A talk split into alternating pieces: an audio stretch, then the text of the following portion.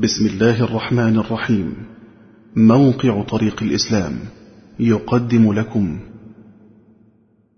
إن الحمد لله نحمده ونستعينه ونستغفره. ونعوذ بالله تعالى من شرور أنفسنا ومن سيئات أعمالنا.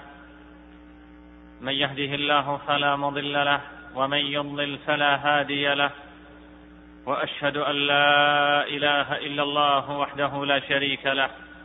وأشهد أن نبينا محمدا عبده ورسوله. يا أيها الذين آمنوا اتقوا الله حق تقاته ولا تموتن إلا وأنتم مسلمون. يا أيها الناس اتقوا ربكم الذي خلقكم من نفس واحدة وخلق منها زوجها وبث منهما رجالا كثيرا ونساء واتقوا الله الذي تساءلون به والأرحام إن الله كان عليكم رقيبا. يا أيها الذين آمنوا اتقوا الله وقولوا قولا سديدا. يصلح لكم أعمالكم ويغفر لكم ذنوبكم. ومن يطع الله ورسوله فقد فاز فوزا عظيما. أما بعد أيها المسلمون إن تقوى الله تعالى ملاك كل خير وهي الزاد لمن جد به إلى الآخرة السير. وتزودوا فإن خير الزاد التقوى ولباس التقوى ذلك خير. أيها المسلمون تتجلى عظمة ربنا جل جلاله يوم القيامة أيما تجلي فكل أتوه داخرين وتلاشت قوة كل قوي من العظماء والملوك والسلاطين واجتمع الخلق كلهم في صعيد واحد لا تخفى منهم خافية وكل أمة جاثيه تقطعت بهم الأسباب فلا خلة بينهم ولا أنساب فخشعت أصواتهم وخضعت أعناقهم وتقطع بينهم وتعاظم كربهم وعظمت مصيبتهم وطال انتظارهم للحكم فيهم وتقرير مصيرهم فهرعوا يستشفعون فهرعوا يستشفعون وعند أبيهم للخلاص يطلبون فاعتذر الأب بأنه هو الذي أخرجهم وهو سبب ما حل بهم وأشار عليهم بابنه نوح فاعتذر وأشار عليهم بابنه نوح فاعتذر وأشار عليهم بالخليل فاعتذر وأشار عليهم بالكليم فاعتذر وأشار عليهم بالروح فاعتذر وكان أولئك الرهط من الأصفياء الأتقياء يقولون مقولة واحدة إن ربي قد غضب اليوم غضبا لم يغضب قبله مثله ولن يغضب بعده مثله. ثم إن عيسى عليه السلام أشار على أهل الموقف بسيد الأنبياء وقدوة الأتقياء وتاج الأخلاء محمد صلى الله عليه وسلم فانبرى للشفاعة بثقة المحب وطمع المحبوب لا يغيب عن ذهنه غضب الرحمن الذي أخاف من شدته من سجدت له الملائكة تكريما وأحجم الموصوف بأنه كان عبدا شكورا وتخلى الأواه المنيب واتخذه الله خليلا وعجز عنها من سأل الرؤيا وكلمه الله تكليما ولم يستطعها روح الله وكلمته ومعجزته وآيته فلقد كان الموقف شديدا عظيما. نعم كان في ذهن الحبيب تخلي الصفوة من الخليقة عن الشفاعة وكان في ذهنه سبب ذلك التخلي وهو شدة غضب الرحمن. فإذا غضب الرحمن فأين تذهبون؟ وإذا غضب الرحمن فبمن تلوذون؟ فكان من المحتم أن يطفئ غضب الرحمن. فكيف يطفئه؟ ولقد علم صلى الله عليه وسلم أن الرحمن جبار متكبر عزيز فألهمه الله جل جلاله إلى ما يطفئ غضب من هذه صفاته. تقدست صفاته وأسماؤه وهو كمال الذل والخضوع فخر لله ساجدا. فخر لله ساجدا يسبح بحمده ويثني عليه ويمجده ويسأله ويطلبه وهو الذي أنزل إليه في كتابه الذي بلغه. واسجد واقترب فاقترب من ربه ممتثلا. متمثلا ما أخبر به هو عن ربه بقوله أقرب ما يكون العبد من ربه عز وجل وهو ساجد. فلما مرغ أنفه بذلة السجود للمتكبر وذلة الخضوع للعزيز قيل له ارفع رأسك وقل يسمع وسل تعطى واشفع تشفع. أيها المسلمون بسجدة واحدة ومحامد وثناء انتهت تلك الأعوام الطويلة من الانتظار وحكم بين العباد وسيق أهل الجنة للجنة وأهل النار إلى النار وهذا في آخر المطاف بعد أن يرث الله الأرض ومن عليها وهو خير الوارثين. ولا عجب أيها المسلمون ولا عجب يا عباد الله ممن كان السجود ديدنه وجعلت قرة عينه في الصلاة. وهي الصلة بين العبد وربه ويقرب العبد من ربه أقرب ما يكون إذا سجد له. يسأل العبد ربه بعد أن أدناه منه فيستجيب الرب لدعاء العبد ويعطيه ما يتمنى.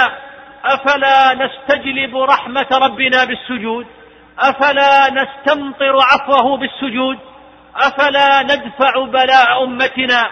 وننهي مصائبها بالسجود له تعظيما وتكبيرا.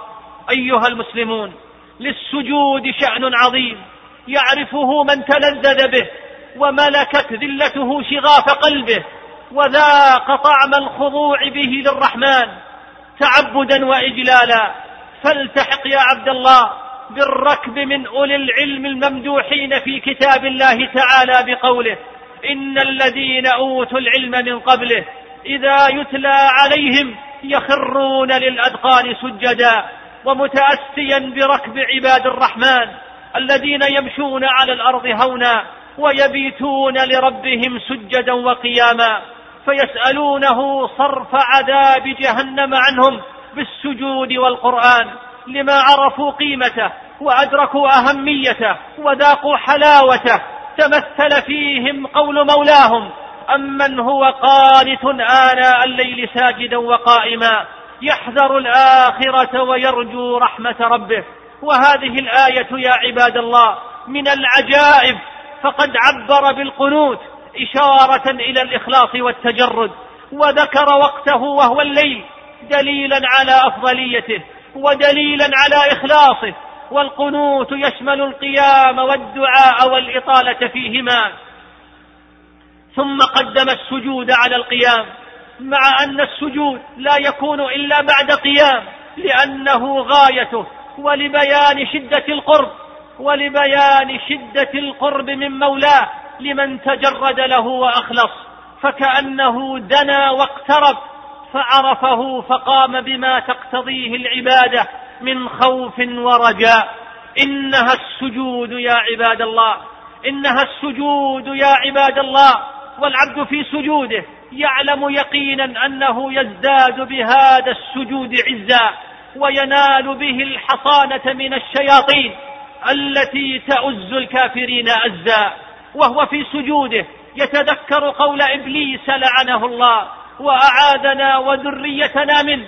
أمر ابن آدم من أمر ابن آدم بالسجود فسجد فله الجنة وأمرت بالسجود فأبيت فلي النار. أخرجه مسلم في صحيحه. أيها الساجدون كيف يأبى السجود؟ من علم فضله وثوابه ومنزلته عند ربه. فعن معدان بن أبي طلحة قال لقيت ثوبان مولى رسول الله صلى الله عليه وسلم فقلت أخبرني بعمل يدخلني به الله الجنة أو قال قلت بأحب الأعمال إلى الله تعالى فسكت ثم سألته فسكت. ثم سألته الثالثة فقال سألت عن ذلك رسول الله صلى الله عليه وسلم فقال عليك بكثرة السجود فإنك لا تسجد لله سجدة إلا رفعك الله بها درجة وحط عنك بها خطيئة رواه مسلم في صحيحه. وعن ربيعة بن كعب رضي الله عنه قال كنت أبيت مع النبي صلى الله عليه وسلم فأتيته بوضوئه وحاجته فقال لي سلني فقلت أسألك مرافقتك في الجنة. قال أو غير ذلك؟ قلت هو ذاك. قال فأعني على نفسك بكثرة السجود. رواه مسلم. وعن حذيفة رضي الله عنه قال قال رسول الله صلى الله عليه وسلم ما من حالة يكون العبد عليها أحب إلى الله من أن يراه ساجدا يعفر وجهه في التراب. رواه الطبراني بإسناد حسن. فأين من أراد الرفعة وطلب المحبة؟ يعفر وجهه في التراب إرضاء لربه وطاعة لمولاه وتدللا بين يديه ورغبة فيما عنده وطمعا في جنته ومرضاته.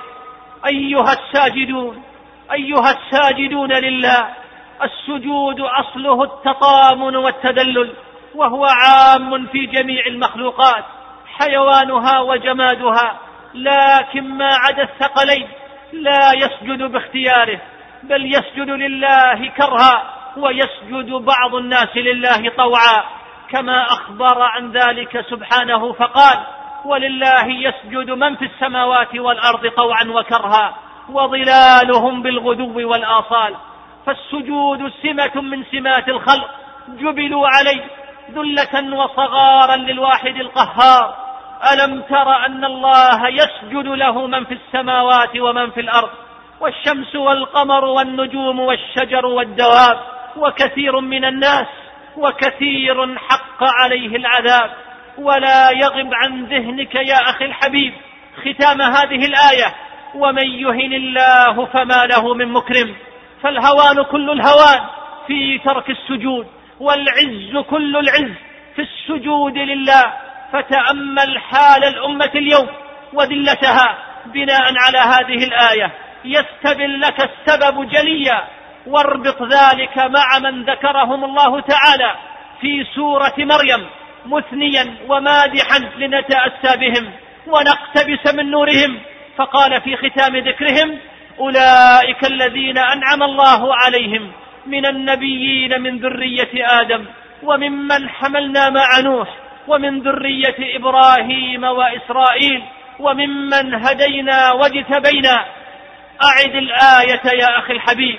وممن هدينا واجتبينا. إذا تتلى عليهم آيات الرحمن خروا سجدا وبكيا وانظر إلى خلفهم وتأمل ما أضاعوه. وما اتبعوه وما هي نتيجة ذلك فسوف يلقون غيا. فلا والله لا تهتدي الأمة إلا بما اهتدت به الرسل وبما فعلته من السجود والبكاء. معاشر الساجدين إذا ضاقت صدوركم وكثرت همومكم وتكالبت عليكم أعداؤكم فدونكم العلاج فتناولوا وبينكم وبين يديكم الدواء فاستعملوا. ولقد نعلم أنك يضيق صدرك بما يقولون. فسبح بحمد ربك وكن من الساجدين. ولهذا كان النبي صلى الله عليه وسلم إذا حزبه أمر فزع إلى الصلاة والسجود. وخذ بالسجود أيها الكريم. لكي تتقوى به على مكر الأعادي وبطش الحاقدين وتواجه به قوة الجبابرة.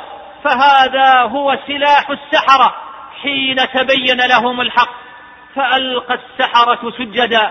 قالوا آمنا برب هارون وموسى فتوعدهم اللعين بالقتل وأن يصلبهم وبالعذاب الشديد ولكن الإيمان قد رسخ في القلوب ومن ذلت جبهته لرب العالمين أكرمه الله برفعة هامته وتثبيته على الحق ونيل كرامته فقالوا له بكل رسوخ ووضوح اقض ما انت قاض انما تقضي هذه الحياة الدنيا. فيا فوز المعفرين فيا فوز المعفرين جباههم سجدا لله وهم داخرون. يخافون ربهم من فوقهم ويفعلون ما يؤمرون. يتلون آيات الله آناء الليل وهم يسجدون. فكان متمثلا بالملائكة المقربين والأنبياء المرسلين لا يستكبرون عن عبادته ويسبحونه وله يسجدون. فما طأطأ جبينه أبدا إلا للواحد الأحد. فلا والله لا يدخل قوبه فلا يدخل قلبه خوف ممن سواه أو رجاء فيما سواه. وأن المساجد لله فلا تدعوا مع الله أحدا. أيها المسلمون بأثر السجود مدح الله صحابة نبيه ومصطفاه صلى الله عليه وسلم ورضي عنهم وأرضاهم أجمعين في قوله محمد رسول الله والذين معه أشداء على الكفار رحماء بينهم تراهم ركعا سجدا يبتغون فضلا من الله ورضوانا سيماهم في وجوههم من أثر السجود سيماهم في وجوههم من أثر السجود وإنما طهر الله البيت الحرام للطائفين والعاكفين والركع السجود الذين لا يستكبرون ولعظمته يخضعون وبآياته يؤمنون وبه لا يشركون إنما يؤمن بآياتنا الذين إذا ذكروا بها خروا سجدا وسبحوا بحمد ربهم وهم لا يستكبرون فحق لمن؟ فحق لهم أن ينتظموا في سلك البائعين نفوسهم وأموالهم لله. إن الله اشترى من المؤمنين أنفسهم وأموالهم بأن لهم الجنة. والمؤمنون في هذه الآية الذين هم أهل البيعة هم الموصوفون في الآية التي بعدها. التائبون العابدون الحامدون السائحون الراكعون الساجدون الآمرون بالمعروف والناهون عن المنكر والحافظون لحدود الله. وبشر المؤمنين. فيا أيها المسلم فيا أيها المسلم كن في سلك الساجدين وتوكل على العزيز الرحيم الذي يراك حين تقوم وتقلبك في الساجدين. واحذر طريق الهالكين الكافرين المعاندين الذين إذا قيل لهم اسجدوا للرحمن قالوا وما الرحمن؟ أنسجد لما تأمرنا وزادهم نفورا. فلا يؤمنون. وإذا قرئ عليهم القرآن لا يسجدون ولكن الزم غرز الفائزين المستجيبين لأمر ربهم الخاضعين لهيبته الطائعين لأمره. حين أمرهم فقال يا أيها الذين آمنوا اركعوا واسجدوا واعبدوا ربكم وافعلوا الخير لعلكم تفلحون. وقال تعالى فاسجدوا لله واعبدوا واعلموا أنكم في ركب النجاة سائرون. ومن ربكم جل جلاله مقربون وبالعز والسؤدد مرفوعون. واقتدي يا عبد الله بالملائكة امتثلت أمر ربها بالسجود لآدم فسجدوا وابى إبليس أن يكون مع الساجدين. فقال له اخرج منها فإنك رجيم وإن عليك لعنتي إلى يوم الدين. فكان إبليس للمتكبرين عن السجود إماما. ويوم القيامة في النار لهم قرينا وتعجب من طائر لا يعقل مثل ما يعقل المعرضون. يأتي سليمان عليه السلام فيقول له أحط بما لم تحط به وجئتك من سبع بنبأ يقين. إني وجدت امرأة تملكهم وأوتيت من كل شيء ولها عرش عظيم. وجدتها وقومها يسجدون للشمس من دون الله. وزين لهم الشيطان أعمالهم فصدهم عن السبيل فهم لا يهتدون. ألا يسجدوا لله الذي يخرج الخبأ في السماوات والأرض ويعلم ما يخفون وما يعلنون. وكرر وكرر سؤال الهدهد. على نفسك مرارا وأعده ليلا ونهارا. ألا يسجدوا لله الذي يخرج الخبأ في السماوات والأرض ويعلم ما يخفون وما يعلنون. الله لا إله إلا هو رب العرش العظيم. نفعني الله وإياكم بهدي كتابه واتباع سنة نبينا محمد صلى الله عليه وسلم. أقول قولي هذا وأستغفر الله لي ولكم فاستغفروه إنه هو الغفور الرحيم. الحمد لله. الحمد لله الذي أكرم جباهنا بالسجود لعظمته. ونور قلوبنا بالإيمان به وبمعرفته وأرغم أنوفنا بالرضا بقدره والتسليم لحكمته وأشهد أن لا إله إلا الله وحده لا شريك له المتفرد في أسمائه وصفاته وألوهيته وربوبيته شهادة شهادة أرجو بها نيل مرضاته والنظر إلى وجهه والفوز بالدرجات العلى من جنته. وأشهد أن نبينا محمدا عبده ورسوله شهادة مصدق به متبع لسنته راجيا شربة هنيئة من حوضه ودخولا في شفاعته. صلى الله وسلم وبارك عليه وعلى آله وأزواجه وصحابته ومن سلك سبيلهم واتبع نهجهم والصالحين من أمته وسلم تسليما مزيدا.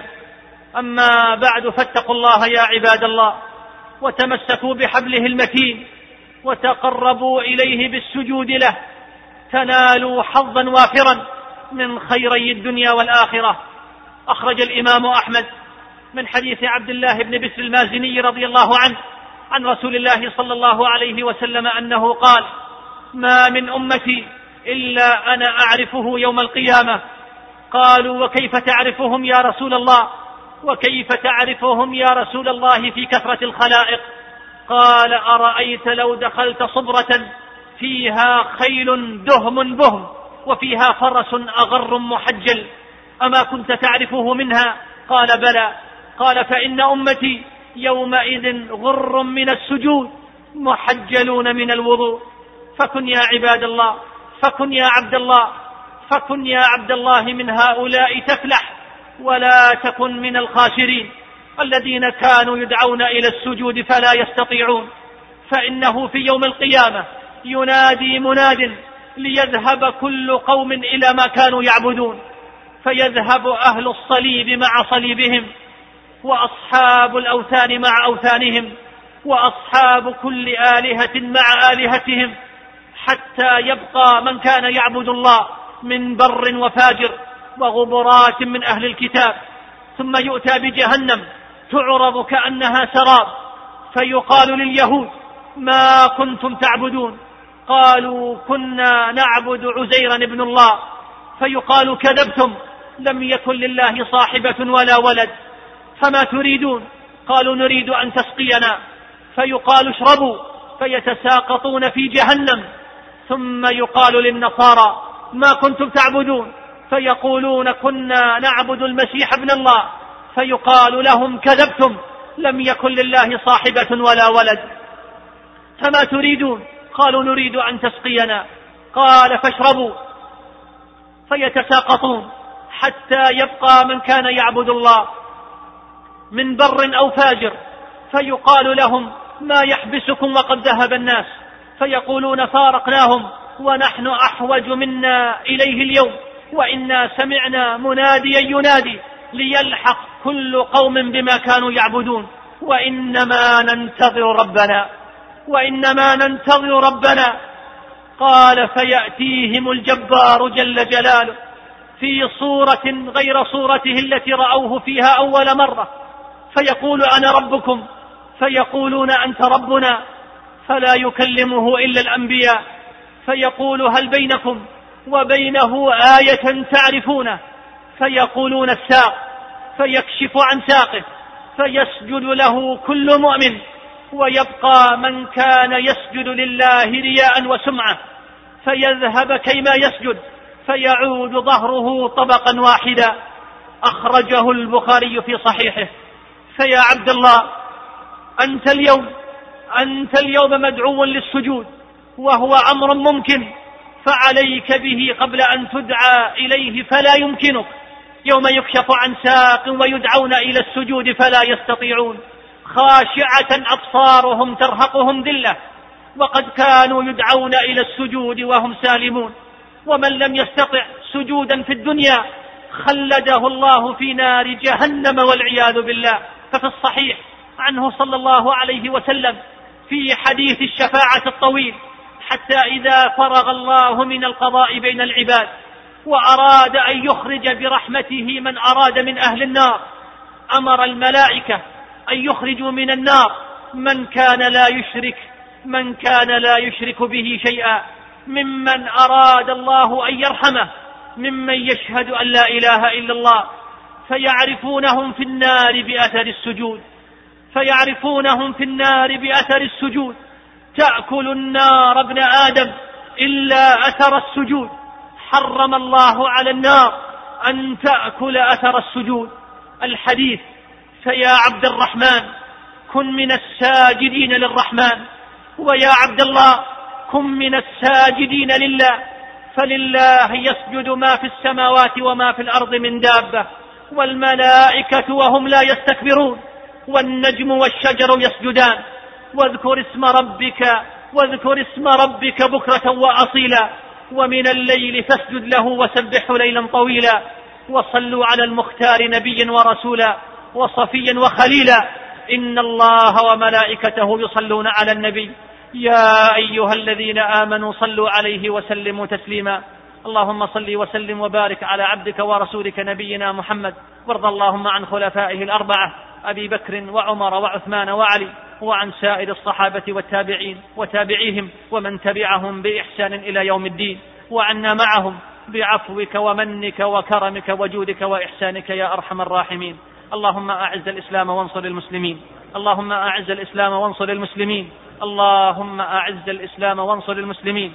اللهم رحمة اهد بها قلوبنا ونسألك اللهم أن تجمع بها شملنا. وأن تلم بها شعتنا وأن ترد بها الفتن عنا. اللهم رحمة اهد بها قلوبنا ونسألك اللهم أن تجمع بها شملنا وأن تلم بها شعتنا وأن ترد بها الفتن عنا.